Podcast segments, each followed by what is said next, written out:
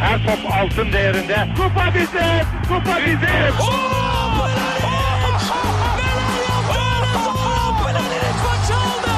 Dengeli de attı. İsabetine buldu. Magna Fontaine. Zora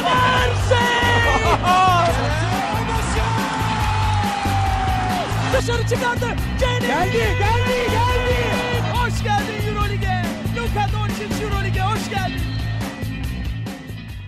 İkili Oyun'un 118. bölümüne hoş geldiniz. Ben Serkan Mutlu. Mikrofonun diğer ucunda basketbol dünyamızın ünlü simaları Ali Aktin ve Tancan Fümen var. Selamlar beyler.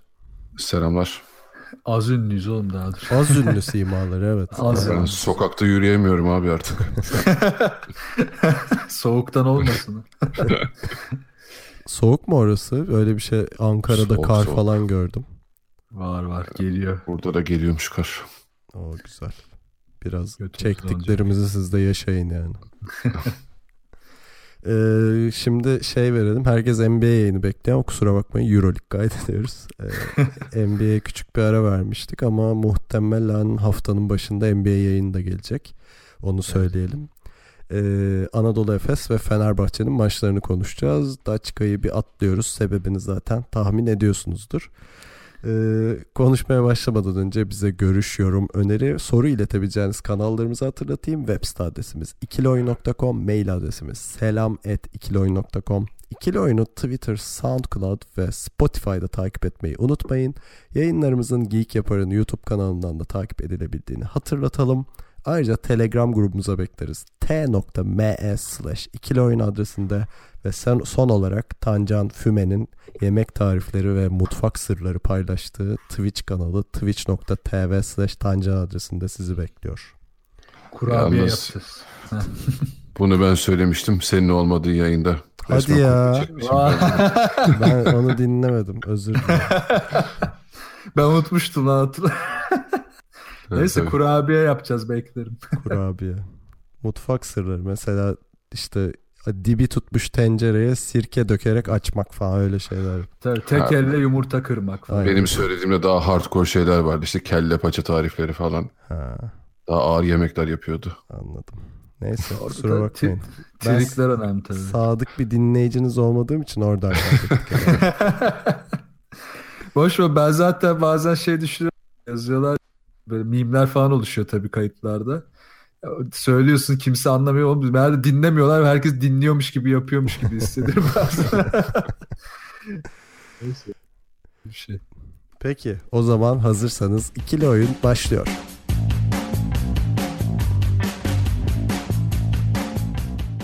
TV Bu'dan içinde basketbol aşkı olan dinleyicilerimize süper bir teklifimiz var. Google Play ya da App Store üzerinden TV Bu Go uygulamasını indirip istediğiniz yerde basketbol Süper Ligi maçlarını anında izleyin. Detaylı bilgiyi açıklamalar kısmında bulabilirsiniz.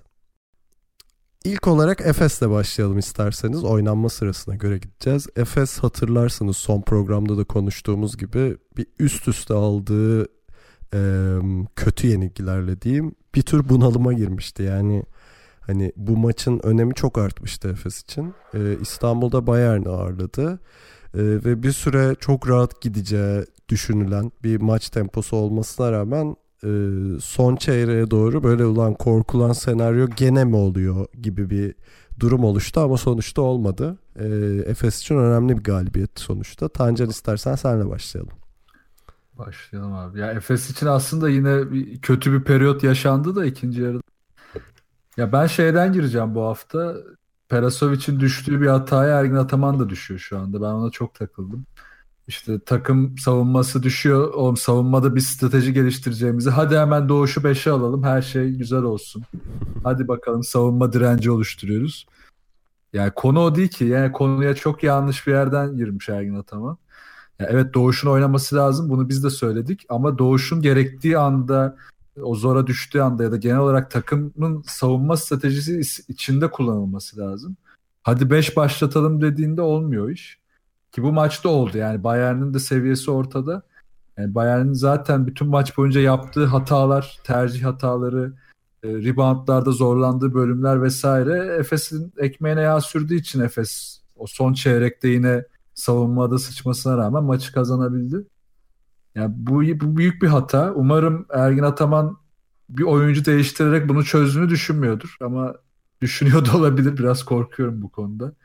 Onun dışında birkaç şey daha değişti bu maçta. Tabii Boban'ın olması da buna etkindi ama işte Doğuş'un 5 başlaması dışında Simon ve Miss için iki top yönlendirici olarak daha aktif olması, daha fazla bütün maç boyunca hatta çemberi zorlaması. Larkin oyuna girdiğinde zaten o şeyi hissettik. Yani Simon ve Misic oyundayken ki hareketlilik Larkin girdiğinde direkt düşüyor. Yani sırf çembere gitme olarak değil topun dolaşımı da düşüyor. Bunu biraz daha bunun üstüne gitmiş bu olumlu bir şey. Yani ama işte Bobo'a geldiğinde Simon ve Misic süreleri düşse bile bence Larkin'in artık süresinin böyle 20 dakikalar 15 dakikalar değil 10 dakikanın bile altında kalması lazım ki bu takım bu oyunu oynayabilsin. Yani yoksa Larkin'in form tutmasını bekleyeceksek e, bu iş zor olacak gibi geliyor bana artık. Onun dışında da maçın sonuna doğru da Anadolu Efes'in bu sene çok az gördüğümüz ki kaybettiği maçlardan zorlandığı konuydu. Hücum reboundlarını zorlayarak maçı tutması. Biraz Dunstan agresifliği de oldu tabii. Bu Dunstan çok agresif oynadı bu maçta. Ki genel olarak rebound sorunu çekmesine rağmen bir de ekstradan Merman'ın katkısı o reboundlarda ki savunmada çok açık verdi Merman yüzünden Efes. Neyse ki reboundlarla son periyotta topladık ama rakip takımın uzunları iyi olduğunda bunun olmadığını da görüyorduk. Bilmiyorum Ergin Ataman bence hala doğru teşhisleri koyamamış ama kafasındaki çözümler doğru en azından ama teşhisler yanlış. Bilmiyorum nasıl olacak bu gidişat. Merakla izleyeceğim.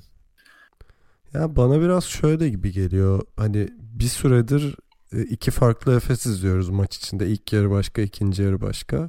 Ve genel olarak ilk yarıları e, Mitsic Simon'la geçiyor. Bu ikili koparabiliyor maçları çünkü. İkinci yarılarda Larkin daha fazla süre almaya başladığında Anadolu Efes akışkanlığını ve agresifliğini kaybediyor. Ee, tabii bundan geri dönüş var ama mesela son 5 maçın 4'ünü kaybettikten sonra kendine bir güven bunalımı yaşarken takım bu tekrar yaşandığında işte biliyorsunuz e, fark böyle bayağı bir indi. 2.47 kala 7 idi. Evet falan filan olan gene mi olacak falan derken e, bence maçı alan isim bu arada Merman'dı. Şeye katılıyorum savunmada çok aksamasını ama işte bir 8 sayı üst üste attı. Üst üste reboundlar çekti falan. En azından bir kişi tutunuyordu o sırada oyuna. O değerliydi. E, ama ben Larkin e, tespitine katılıyorum gerçekten de. Yani Larkin'in e, değerini tartışacak değilim ama ben hala Larkin iyi oynadığında bile Efes'in yani şey planında oyun planından sektiğini düşünüyorum. Ee, hani Mitsic ve Simon'un sağladığı akışkanlık ve Boboa'nın getirdiği bitiricilikle Larkin'in kattıklarını yan yana getirdiğimde belki de Larkin'in senin de dediğin gibi sürelerinin biraz düşmesi daha iyi olacak gibi geliyor bana da. Ee, bakalım yani gerçekten de bu maç gidebilirdi çünkü ve biraz da Larkin'e yazardı. Kimse kusura bakmasın yani. Evet. Ya tercihleri de çok kötü zaten. Valla ben yorumlarınıza katılıyorum ama diğer taraftan da şunu düşünüyorum. Özellikle kısa rotasyonunda. Şimdi hem e, Boboa'nın yokluğunda hem Larkin'in yokluğunda ayrı ayrı e, Ergin Ataman o rotasyonları biraz daha rahat yapabildi. Ama şu da var özellikle şu zorlu e, geçtiği süreç için söylüyorum Efes'in hani 3 e, 4 tane pardon da 4 mağlubiyet aldığı e, dönemde. Yani e, şimdi o işler zora girdiği zaman e, o topun kontrolü Mitsic'te de e, olduğu zaman da öyle çok aman aman verim alamadığını gördü Ergin Ataman. Yani çok kitlendi Efes. O pas trafiği düştü. E, uzunlara potaya e, bir türlü top inmedi. E, dış e, atış tercihleri kalitesi bir anda düştü, pas kalitesi düştü falan. Yani Misic de daha tam olarak şeyde değil bence. E, tamam çok iyi bir sezon geçti onu kabul ediyorum. Ama işler en sıkıya en zora geldiği zaman iyi takımlara denk geldiğin zaman da tamam abi Misic'e ver topu rahatlığında olamadığımızı anladık. Şimdi tamam Shane Larkin bu sene çok formsuz. E, zaman zaman iyi alımlarını görsek bile şu an hani e, gidebil şey bir e, emniyet kemeri olamıyor şu an Efes'e. Ama belki Ergin Ataman şunu düşünüyor olabilir. İşler iyicene zora girdiğinde ve ben o sürece e, Shane Larkin'i eğer biraz formda sokabilirsem e, iyi bir alternatif yaratabilir. Hani maçı çözen adam olabilir. Aslında Shane Larkin öyle bir adam. Bizim bildiğimiz hani NBA'ye gitmeden önce öyleydi Euroleague'de. Ama işte o gitti geldi e, bu seneki performansı hiç oralara yaklaşamadı. Ya ben Shane Larkin'i oralarda daha potansiyelli görüyorum açıkçası. Ulaşır ulaşamaz o ayrı konu. Ya kesinlikle buna katılıyorum. Ama bunu şu gerçekten yola çıkarak söyledim ben. Şimdi ilk yarıya bakıyorum abi. Mitsic ve Simon devamlı Dunstan'la ikili oyunlar oynadılar ve e, açıkçası Bayern'de de Dunstan'ı tutacak adam yok. Bunu da gördüler ve üst üste oradan vurdular. Yani bir yandan tabii perimetre şutları da çok iyi girdi Efes'in. E, ama mesela e, ikinci yarı bir ara bu aklı kaybetti Efes yani. Mesela o aklı kaybetmemek gerekiyor. Yani Larkin evet tek başına maç alır eder vesaire. Ama bir yandan takımı da oynatması lazım kendisi oynarken. Benim şeyim o. Şimdiye kadar ona dair bir ışık da veremedi. Yani bu biraz şöyle bence. Mesela Fenerbahçe'de Eric Green var biliyorsunuz. Ee, hani onun süreleri nasıl kısıtlı ve verdiği katkıda ne kadar kısıtlı onu da görüyorsunuz. Yani şimdiye kadar bir maçta en fazla 5-6 sayı atmıştır herhalde ama e, bakmadım şimdi sürelerine de yarısı kadar bile almıyordur belki de şeyin e, Larkin'in. E, evet belki de bir sabretmek gerekiyor ama bu sabır pahasına da sezonu kaybetmemek gerekiyor. Ben onu düşünüyorum yani. Ya orada zaten Ergin Ataman'ın şuna karar ver. Larkin'i mesela bir molada duydum onu tekrar. Şimdi Misic oyundayken de top yönlendirici olarak Larkin'e göre sağda. Yani Larkin'i sen sadece skorer gibi konumlandırsan Simon'la Simon, Misic ve Larkin'i de bir arada oynatırsın. Ama, ama yani kafasında onu hiç kurgulamıyor. Ben onu anlayamıyorum. Larkin'e sadece skor görevi ver. Tamam yönlendiremiyor takımı. Al Simon'la Misic'i tekrar yanına. Bu, bu şekilde dene. Bunu da denemiyor. Hatta bir 6 dakika kala bir 5 oluştu sahada. Onu özellikle lazım. Doğuş, Larkin, Anderson, Merman, Plyce. Yani bu takım felaket bir şeydi bu rotasyon. O da ne yaptığını anlayamadı. Hemen mola alıp değiştirdi. Misic'le Simon'u tekrar aldı. Yani rotasyonun uyumu maç içinde kopup gidiyor Ergin Ataman'ın kafasında. Misic konusunda da şu var Ali'nin dediğine paralel olarak. O zorlanmayı evet bu özellikle 4 maçlık periyotta çok yaşadı ama orada da işte spacing inanılmaz bozuluyordu. Yani Misic'le beraber kullanacağı rotasyonda mutlaka Simon'un olması şart. Çünkü Simon olduğu zaman hem e, dışarıda kalan oyuncu hem de drive eden oyuncu olarak o alanı açabiliyor. Topsuz oyun aklı da daha iyi. Mesela Motum'un da topsuz oyun aklı daha iyi. Merman'ın da fena değil. Ama orada bunları yapamayan biri olduğunda, Doğuş olduğunda, Larkin olduğunda hareketsiz. Boba da aynı şekilde bu arada. O da hareketsiz kalıyor.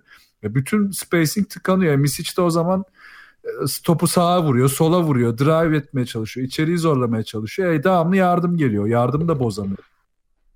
Mesela Guduric konusunda Fenerbahçe bunu aştı. O işte three side, four side oyunlarıyla ya üç kişinin, dört kişinin kenarda kaldı ama Guduric'in devamlı hareketli drive ettiği oyunlarla bunu aştı. Mesela Larkin'e yaratılan oyunlar hareketli de değil. Topu ver birebir isolation'la oynasın. Ya bari hareketli yaratalım. Larkin de biraz tempo kazansın. Yok o da olmuyor. İşte bu bir tercih. Bu Ergin Ataman'ın tercihi. Daha doğrusu tarzı bu. O kısanın o çözümü yaratmasını seviyor Ergin Ataman. Onun üzerinde oynuyor. Fenerbahçe gibi kanatlara çok yayamıyor oyunu Efes. Yani, düşünmüyor ama işte çözüm üretecekse bunları da düşünmek lazım. Hani tabii biz burada Ergin Ataman'a akıl vermek için söylemiyoruz. Oyun değiştiği için ve artık bazı çözümler işe yaramadığı için ki Obradovic'in değişiminden bugün açsak 2008 Obradovic ile 2018 Obradovic arasında da fark var. Ama Ergin Ataman'la çok fark yok işte sorun orada. Ya bir de şöyle bir şey oluyor tabii şeye katılıyorum hani Mitsic yanında Simon olduğunda e, spacing artıyor ve daha rahat davranıyor evet yani sağ içinde daha rahat oluyor. Ama bu sefer de şeye dönüyor Efes hani Mitsic'li Simon'lu bir 5 var bir de Larkin'li Boboalı bir 5 vara dönüyor. Ve Larkin'li Boboalı 5 maalesef e, nasıl diyeyim yani Larkin ve Bobo o gün çok üretkenlerse olabilir ama değillerse e, Efes tıkanmaya başlıyor. Bu sefer 200 oluyor gene Efes'in. E, bu adamları da yani bu sefer Mitsic'i her maç 35-36 dakika oynatman lazım gibi bir şey gelecek. O da olmaz. E, o bir ikilem gerçekten de ama bunu e, tabii çözmek de bir yandan Ergin Ataman'ın işi. Valla o şeyde de vardı bu maçta mesela Simon'dan da vazgeçemedi mecbur kaldı yani özellikle ikinci çeyreğe başlarken hani işte Larkin Muarman'ı e, James Anderson Plyce e, beşine mesela şeyi çıkaramadı oradan. Simon'u çıkaramadı. Mecbur kaldı yani. Çünkü gerçekten e, oradaki o top yönlendirmesine, içeri drive edip işte alan yaratmasına, uzunlara pas indirmesine çok ihtiyacı vardı ki oralarda fark yarattı Efes. E, bu işte kaybettiği, kötü geçirdiği süreçte yani uzunlara içeriye top trafiği bitmişti neredeyse Efes'te. Evet. bakıyorsun Dunstan Plyce'a çok güzel şeyler toplar indi o tarafa. Bunlar unutmuştu Efes neredeyse orayı. Yine işlemeye başladı orayı. Oradan da farkı yarattı.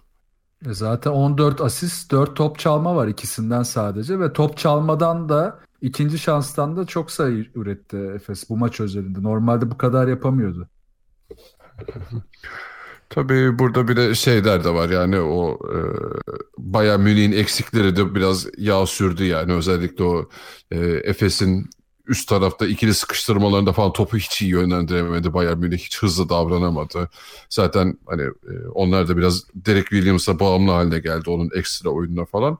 E, o da gelmeyince hani ikinci yarı için en azından o ilk e, yarıda yarattıkları farkın yani şeyini yediler, tatlısını yediler ikinci yarıda. Aynen. Ya zaten de... ben ilk yarı Efes'ini baya beğendim. Yani o tepedeki ikili sıkıştırma, kapılan toplarla transition hücumları falan çok tatlıydı yani. Orada Bayern'e sadece şey kalmıştı işte Koponen, Lucic, Dedovic e, atacak da perimetreden e, fark inecek diye bir ara oldu bu arada. Bir 3-4 üçlük üst üste de attılar ilk yarı. Hani biraz öyle tutundular skora falan. E, hani orayı çok beğendim. Dediğim gibi ikinci yarı da o aklı sürdürebilmesi gerekiyor Efes'in. Ya da Bayern'in orada değişen oyununa cevap verebilmesi gerekirdi. Biraz reaksiyon geç geldi açıkçası.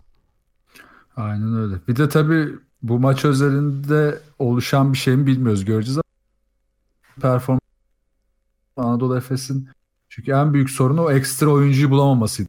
Evet hani Misic, işte Simon, e, Anderson pardon Anderson diyorum. Dunstan de dalgalı olsa da ara ara Merman bunlar hep bir stabil bir performans verebiliyorlar iyi kötü.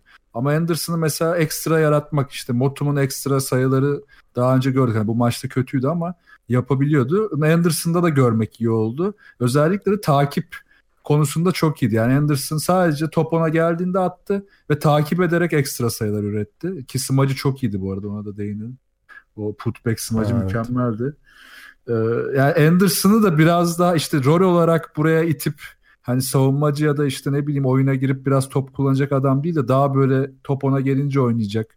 Biraz daha işte follow'ları takip edecek bir oyuncu haline getirebilirse Ergin Ataman ondan daha çok verim alabilir. Hatta ben e, tabii Larkin ismi için uymuyor ama Larkin'i bile böyle kullanmak daha mantıklı olabilir. Şimdi haftaya e, çift maç haftası var. E, haftaya derken bu yandık. hafta. e, Efes önce Jalgiris deplasmanına gidecek. Sonra evinde e, Kimki ile oynayacak. Ya ben şöyle düşünüyorum. Jalgiris maçı ya çok çok önemli. Yani sezon için önemli. Tabii Eurolig'in seyir zevki de içinde önemli bir yandan. Yani Jalgiris bir yandan neredeyse ölüm kalım maçına çıkıyor gibi olacak. E, çünkü yenilirse üst tarafla iki maça çıkma ihtimali var durumun. Bu sefer Efes yenilirse 6. sıralara düşme ihtimali var falan. E, bayağı dişli maç olacak orada. Biraz Efes'in şeyini göreceğiz tekrar. Hani o geçtiğimiz 5 maçta kritik demiştik ya Efes için işte ilk 3 sıraya tutunma açısından. Oradaki sınavda biraz sınıfta kaldılar. Ama bu sefer Jalgiris yani tek sınav ve geçmen gerekiyor gibi bir maç. Çok merak ediyorum gerçekten o maçta ne olacağını. Zaten bu 6-7-8 galibiyet sınırındaki takımlar için ölüm kalım savaşı başlıyor playofflara. Çok zorlu geçecek oralar. E, bayağı zor. Yani e, Serkan'ın dediği de doğru. Çok çok önemli. Yani Efes için, Efes'in aslında geleceği için bayağı işaret verecek bir maç. Bu maçtaki yaptığı değişiklikler takımın bu maçta da çalışırsa o zaman iyi işaretler olabilir.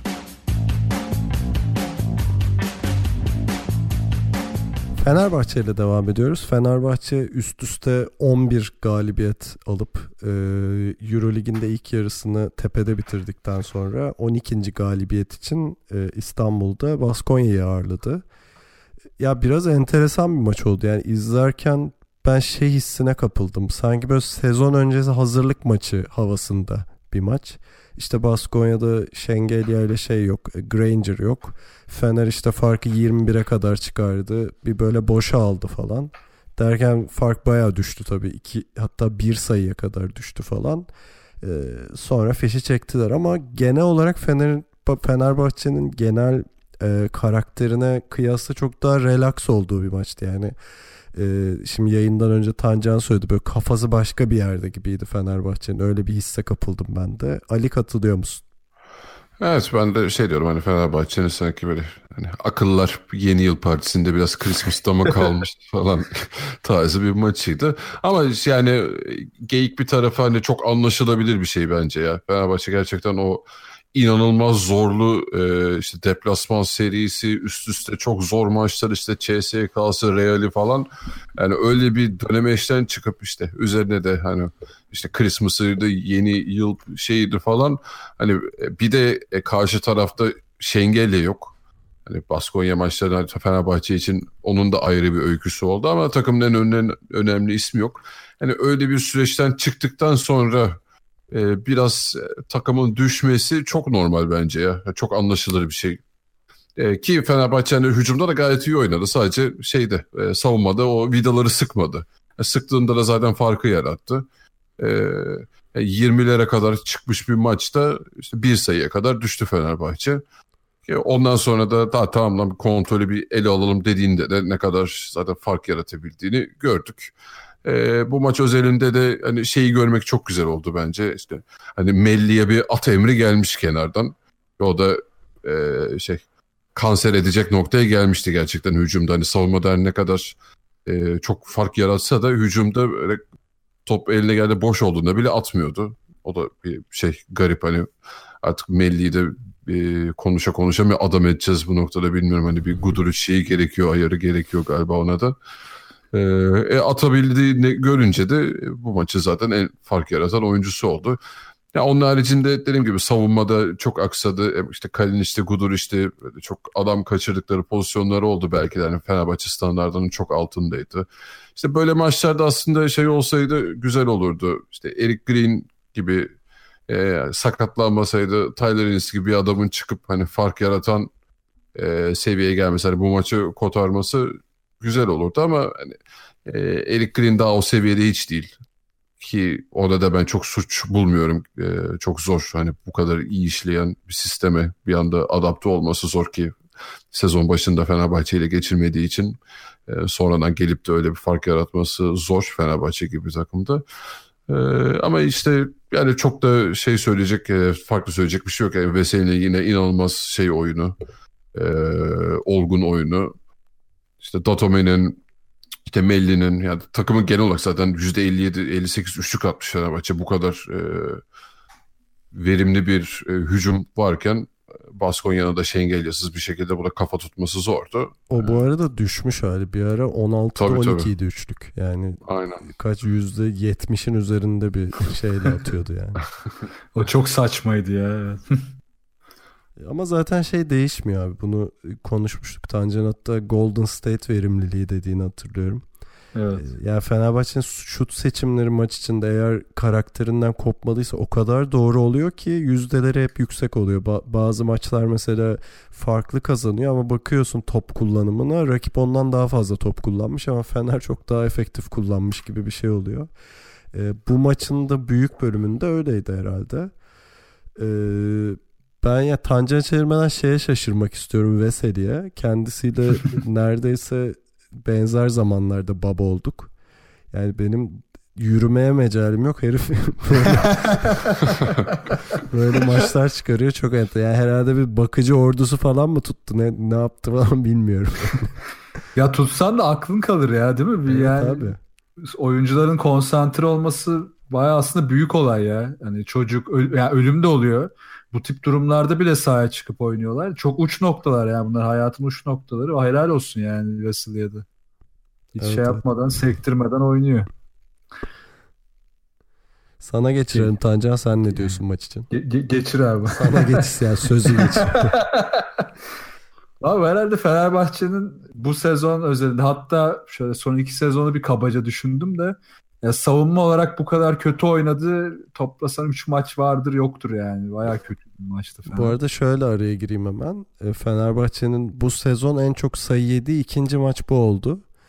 Ee, ilk maçı da biliyorsunuzdur Efes maçı. 89 Evet. yemişti. Ee, hani 85-84 yediği maçlar falan var ama 87 hem de kendi evinde e, şeyi gösteriyor zaten. Hani savunma anlamında nasıl bir gün geçirdiğini gösteriyor Fenerbahçe'nin.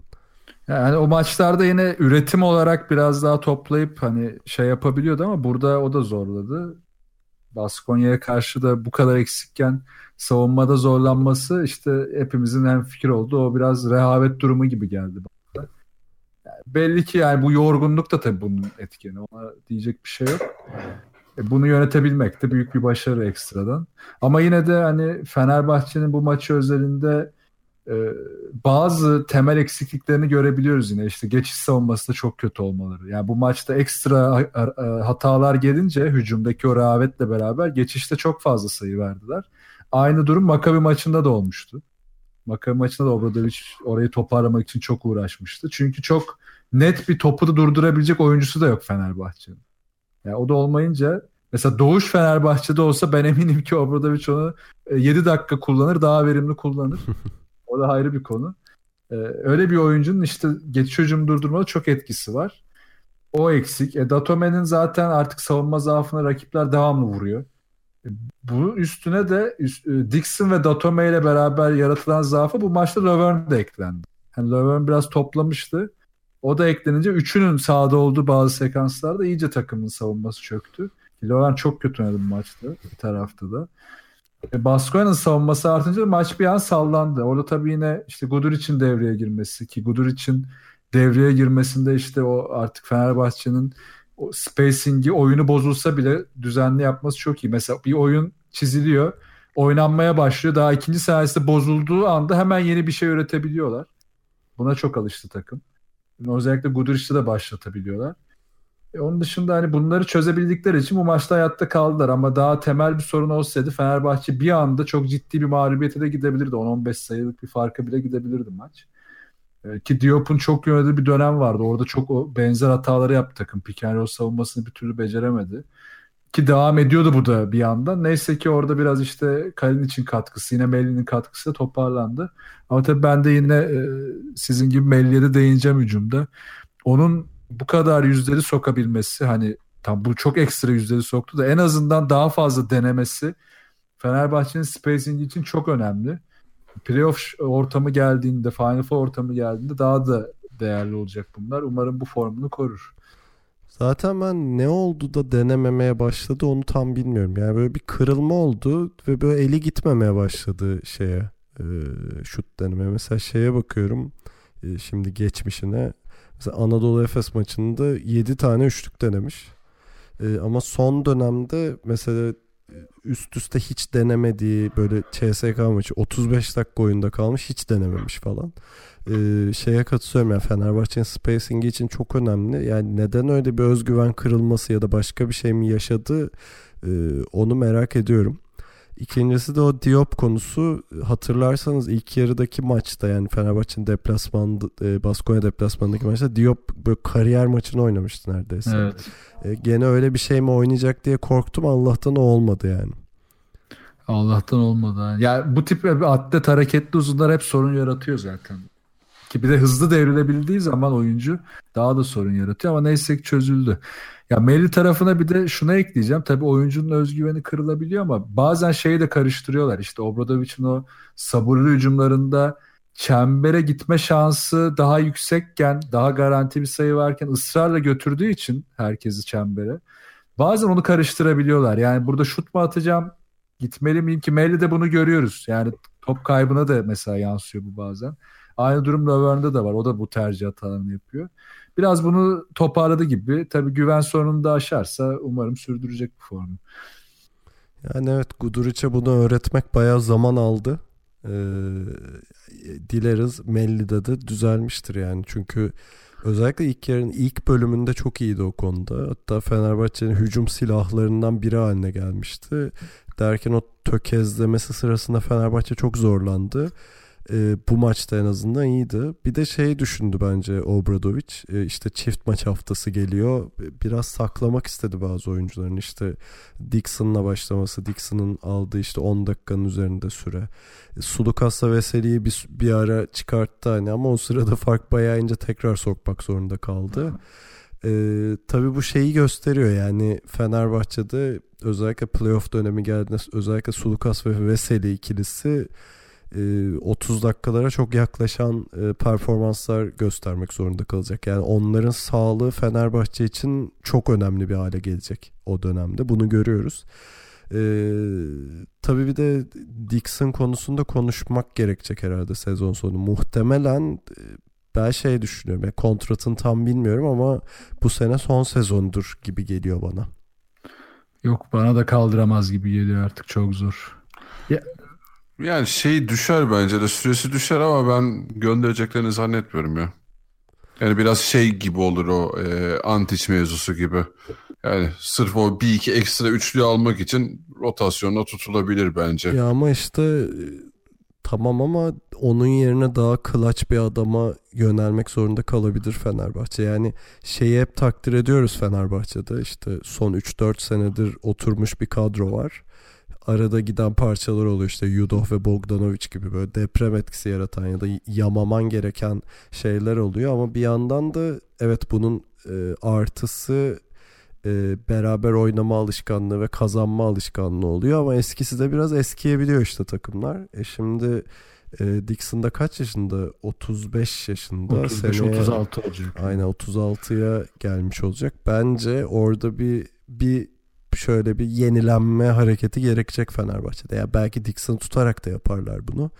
Ee, ama şeyi görüyoruz işte mesela Eric Green'den alamıyor katkıyı. Dixon'dan da o hücum katkısını alamadığında bu sefer Sulukas ve Veseli'ye çok fazla yük binmiş oluyor. Yani bazen Fenerbahçe'nin bazı oyuncuların dinlendirdiği hücum yükünü de bir iki oyuncunun çektiği anların olması bence normal ama bunlar çok olamadığında işte bu tökez, tökezlemeler yaşanabiliyor. Özellikle normal sezonda ya da belki ligde yani Türkiye liginden bahsediyorum.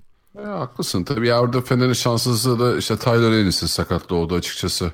Tam böyle bir şeyler görmeye başladığımız anda kırdı ayağı. Ee, o yüzden şeyde dedim ya Eric Green'den de şeyleri görüyorum e, yorumlarda, internette, işte sosyal medyada. Abi Eric Green olmayacak galiba yorumları da ben çok haksız buluyorum onları. Yani Fenerbahçe gibi bir sistemde girip e, kendini göstermek çok zor. Yani bunu şey olarak da yani günlük hayatta da düşünebilirsiniz. Mesela çok iyi çalışan bir e, şirket düşünün, bir ekip düşünün. Yani herkes üst düzeyde, herkes işinin böyle şey, e, en iyi derecede yapan adamlar. Yani senin o şirkete girip kendini bir anda parlatman, göstermen, o ekibin bir parçası olman çok zor. Ha, ama daha vasattır, hani daha ortalama bir takımdır. Sen zaten iyi bir adamsa kendini girip bir anda parlatabilirsin orada. E, tüm dikkati üzerine çekebilirsin. İşte Fenerbahçe'de bu durum var. Yani zaten yıllardır birbiriyle oynayan, çok iyi işleyen bir sistemde Eric Green'in bir anda girip kısa rolünde orada fark yaratması zor. Yani Lovern'ın mesela orada durumu daha farklıydı. E, zaten uzun olduğu için e, pozisyonu gereği e, yani orada zaten sürekli elinde topu e, topu elinde isteyen bir rolde değil. İşte Eric Green'in de skorer bir kısa olarak orada kendini göstermesi zor. İşte orada bir şanssızlık oldu, sakatlık oldu. Bakalım şeyi de merak ediyorum. Hani sezon sonunda hem Green'i hem Enis'i tutmazlar herhalde. Orada bir seçim yapılması gerekecek. Ee, bakalım orada hani burada vazgeçilen Dixon mı olur? Göreceğiz onu. Geçen de Boston Dallas maçında Vanamaker çok iyi oynadı ya. Bir, bir, bir, bir selam çaktı orada. Ya tabii burada şunu da unutmamak lazım. Rakipler de artık Fenerbahçe'ye karşı hani öğrenip çözüm üretmek yerine artık ekstra şeyler yapmaya çalışıyor. Yani bozmaya çalışıyorlar. Bozamadıkça yeni e, yollar deniyorlar. Mesela bu maçta da Perasovic ki Real Madrid de bunu denemişti biraz. Real Madrid ekstra tabii kısalara da denedi Sulukas olmadığı için ama top ne zaman o posta inse çok ciddi sıkıştırma getirdiler. Mesela burada Kalinic çok önemli bir görev üstlendi. Normalde çok iyi bir pasör olmasa da o baskı geldiğinde e, Vesely ve işte Lovern'e göre pardon e, Vesely ve Ahmet'e göre çok daha faydalı işler yaptı. Hele Ahmet sağdayken ve sıkıştırma geldiğinde çok zorlanıyor. Wesley de bu maçta biraz zorlandı. E şimdi bunlar olur bu, bu, bunlar geliyor. Real Madrid maçında dışarıda e, dışarıda da baskı geldi. Campazzo'dan özellikle. E şimdi bu baskıları aşmak için Sulukas'ın sağlıklı olma konusu daha da değerli hale geliyor. Yani Sulukas evet burada Real Madrid maçında kurtardık. Takım kurtardı. E, Guduric'e verdi. Orada çok ciddi baskıydı. İçeride şimdi Wesley'de de bir sorun yaşasak ya da işte Kalinic'te bir sorun olsa takım bir anda yine sallanabilecek hale gelebilir. Dixon konusuna buradan bağlayacağım. Artık biraz daha takımın belki de bu sezon değil de artık seneye biraz daha birkaç genç oyuncuyla ya da işte birkaç e, yine böyle Kalinic tarzı takım oyununa direkt adapte olacak, olabilecek oyuncuyla genişletmek şart. Çünkü bu tip baskılar daha da artacak seneye. Şimdi ekstra takımlar geliyor. Maç sayısı da artıyor. Fenerbahçe ufak ufak bu e, işaretleri veriyor buradaki değişiklik işaretlerini. İsterseniz Fenerbahçe'nin de çift maç haftasına bakalım. Ee, önce Himki deplasmanına gidiyor. Sonra evinde Jalgiris'i ağırlayacak. Ee, şey değil mi? Yanılmıyorum. Şivet hala sakat. Sakat. Evet. Sakat. Yani o yüzden hani o, o deplasmanın zorluğu biraz şey ama Jalgiris bayağı zorlayacaktır Fenerbahçe'yi. Ben orada bir mağlubiyet gelirse şaşırmam. Bu arada Fenerbahçe'nin artık bir mağlup olma şımarıklığı da yapabilir yani. O hakkı var diye düşünüyorum. Yani öyle mağlubiyetler bazen e, takımları hani kendine getirmek için iyi olabilir ama Fenerbahçe'nin de çok şu an iyi gittiği için yani öyle bir mağlubiyete de ihtiyacı yok aslında Fenerbahçe'nin. Bazen iyi gelebiliyor ama zaten çok iyi gidiyor Fenerbahçe. Ya tamam hadi şu Baskonya maçındaki o savunma rehavetini saymazsak zaten o en zorlu süreçten bile alnının akıyla çıktı yani. Aa, zor maç olacak. Bir de tabii Efes'ten nasıl çıkacak Jalgiris o da. İlk Efes oynadı değil mi yanlış hatırlamıyorum. Evet evet. Yani Efes'in de onları ne kadar yoracağı da... Zor maç olur ama güzel maç olur. Olur olur orada zaten bir şey e, Saras Obradoviç kapışması da olduğu için hani evet. e, ekstra motive çıkacaklardır eminim. Bir de tabii Jalgiris geçmiş yıllarda Fenerbahçe'yi yenerken çok ya 40 dakikaya yayarak ya 40 dakika yayarak pardon 40 dakika aynı oyunu oynayarak yenebiliyordu. Bu sezonki kadrosu ona çok uygun değil. Yani Fenerbahçe rahat bir maçta alırsa ben çok şaşırmam. Hı hı. Ama Fenerbahçe'nin şeyini de görüyoruz işte bu transition savunmasından bahsettik ya özellikle enerjisi yüksek takımlara karşı e, konsantrasyonda düşmüşse Fenerbahçe'nin çok zorlanabiliyorlar e, bu maç ve mesela Real Madrid maçına çıkıyor. Real Madrid biliyor o huyunu Fenerbahçe'nin ve hani agresifliği arttırmaya, enerjiyi yükseltmeye çalışıyor ama Fenerbahçe konsantrasyonuyla kontrol altında tutabiliyor ama işte bu gibi maçlar Jalgiris olsun, Baskonya olsun bir anda elden kaçabilen maçlar. Öyle bir şey yaşanırsa şaşırmam ama e, dediğim gibi belki de ne bileyim 14 galibiyet üst üste olmuş olacak yani bilmiyorum. Bakalım rekor gelir belki göreceğiz. Rekor kaç biliyor musunuz? 19 galiba CSK. Kesin CSK'dır diyecektim. Ha, ya 18 ya 19 ama CSK onu...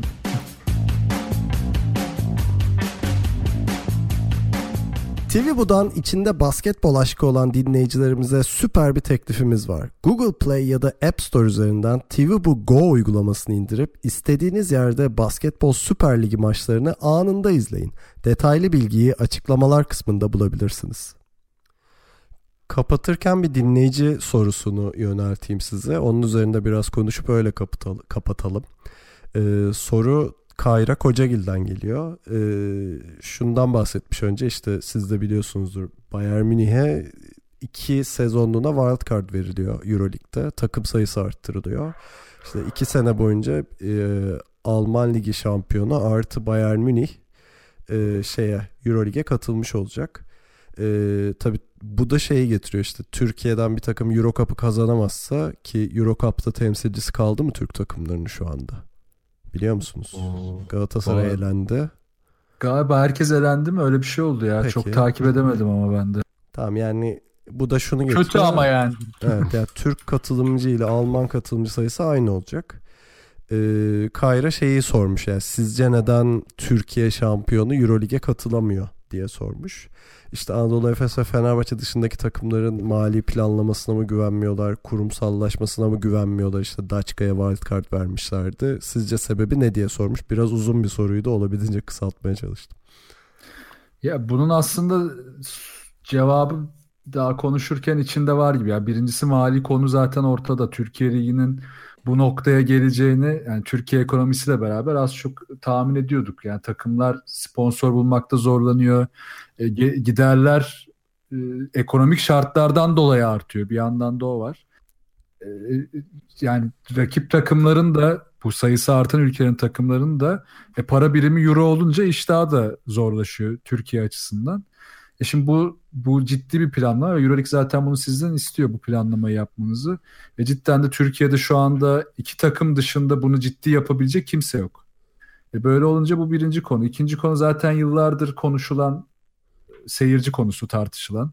Aslında burada Türkiye'nin eli kulüp takımları nezdinde güçlüydü.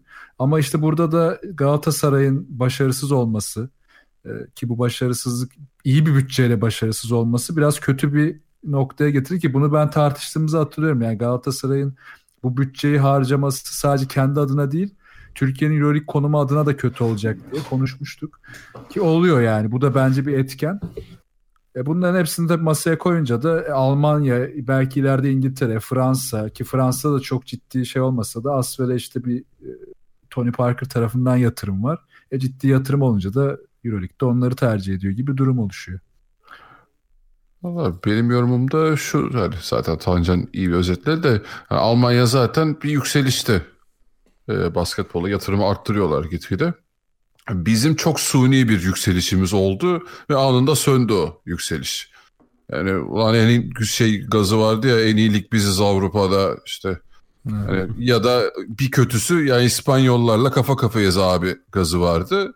Bunun içinin ne kadar boş olduğunu gördük bu sene başı da döküldü yani lig bir anda maddi durumlar yüzünden. E zaten senin ülke ekonomin bu kadar sıçmışken yani basketbol böyle dolu dizgin Avrupa'nın bir numarası olması çok şey, hayal, hayalcilik olurdu. İşte ne bileyim Darüşşafaka'nın durumu, Banvit'in durumu, Galatasaray'ın ne kadar işte bütçeleri kısması falan, işte Beşiktaş'ın yani zordu zaten o dediğim gibi suni içi boş bir gazdı. O yüzden çok normal yani evet Fenerbahçe Anadolu şey Anadolu Efes olmadan üçüncü takımı kim koyacaksın ki? Yani Galatasaray o topa girmiyor. Yok yani şey, bütçeler kısıldı bir anda kesildi. Üçüncü bir takım yok. Çok normal yani bunu e, o bütçeyi koyabilecek başka bir ülkeye vermeleri. Bir de herhalde salon kıstası da var orada. Hani şey üç büyük yani futboldaki üç büyük takımdan Gerçi Beşiktaş'ın salonu da ortada onu geçiyorum da ya da bir İstanbul takımı dışında bir takım şey yaparsa Euro Lig e, hakkı kazanırsa salon standartlarına uymayabilir falan böyle sıkıntılar da çıkabilir. E, herhalde bunların hepsi düşünülüyordur diye tahmin ediyorum. İşte Galatasaray o yüzden yapacaktı da o projede ne oldu şu an bilmiyorum mesela. O proje bir daha konuşulmamak üzere kaldırılmış. Dövizin bu haliyle. Yani. Maketi yırtmışlar değil mi arkada böyle? Peki şey ne oluyor? Ee, şimdi Bayern Münih'in wild card'ı var. Bayern Münih şampiyon olursa Almanya'da playoff'taki rakibi yani finaldeki rakibi İkinci, mi geliyor? Evet. Aynen. Finaldeki. Orada tabii çok ekstra bir Alman takımı Euro Cup alırsa herhalde o orada ne yapacaklar bilmiyorum. Üç takım mı olacak o zaman? O, o, o sıkıntı işte bizde Darüşşafaka tarafında olmuştu. Normalde Türkiye'nin hakkı yoktu ama hmm. hani belki Darüşşafaka şa- gerçi bizde şey yok pardon şampiyonluk hakkı yok zaten. Hmm. Daha önceki yıllarda ama sanki bir yaşamıştık onu ya. Bir şampiyonluk durumundan bir şey çıkmıştı. O Yok ya benim yani dört takımla katıldığımız zaman vardı işte Daçka'nın Wildcard'la Galatasaray'ın Euro Cup'tan geldiği. Aynen. Ee, Bence o biraz fazlaydı zaten bunu konuşmuştuk. Hani e, evet, Türkiye o dönem 3 takımı hak, hak ediyordu bu arada hani basketbola yapılan yatırımla. Ama şu an şüpheliyim ya. Şu an iki takım yeterli gibi geliyor bana da. E tabii şeyi kaybettik bir de yani bunu yine tekrar ediyor gibi olacağım ama 100 bin 150 bin dolar bandına işte NCAA'den çıkan oyuncuları Türkiye'ye çekebiliyorduk. E, o paraları da kimse veremiyor artık. E, onları da çekemiyorsun. E, ligin kalitesini biraz da onlar arttırıyordu. İşte Cam Birch'ler, zamanda Higgins'ler bilmemler hep buradan gittiler. E, onları şimdi getiremiyorsun. E, daha yaşlılar gelmeye başladı. E, onlarda da olmuyor yani öyle bir sana hype yaratamıyor burada. Küçük takımları da tepeyi zorlayacak bir lig yaratamayınca e, yavaş yavaş düşmeye başlıyorsun. Abi şey bile tutamadık mesela şey e, Türkiye için konuşuyorum Theodor'u bile tutamadık burada. Evet. Şeye gitmiş o da. AYK'ya mı ne gitmiş Yunanistan'a? Hmm, aynen. Peki Kayra'ya teşekkür ederim sorusu için. Ee, yavaş yavaş da programı kapatalım. Ee, bize görüş, yorum, öneri ve soru iletebileceğiniz kanallarımızı hatırlatayım. Web site adresimiz ikiloyun.com, mail adresimiz selam et ikiloyun.com. İkili Oyun'u Twitter, SoundCloud ve Spotify'da takip etmeyi unutmayın. Yayınlarımızın Geek Yapar'ın YouTube kanalından da takip edilebildiğini hatırlatayım. Telegram grubumuza bekleriz. t.me slash ikiloyun adresinde. Son olarak Tanca'nın harika Twitch kanalı özellikle basketbol konusunda dinlemenizi tavsiye ederim. Twitch.tv slash tancan adresinde. Bu arada çizgi roman falan da konuşuyor da benim ilgi alanıma girmediği için basketbolu söylüyorum. Ee, girip şey yapabiliriz. Tancan bu çoluk çocuk işlerini bırak ya. Çizgi roman, sinema falan. Ne yapıyorsun? Abi işte içimdeki çocuğu yaşatıyorum abi. Peki bir Tamam sonraki yayınımız NBA olacak. Muhtemelen de salı çarşamba gibi bekleyebilirsiniz. Ee, o yayında görüşene kadar kendinize iyi bakın ve hoşçakalın. Hoşçakalın. Görüşürüz.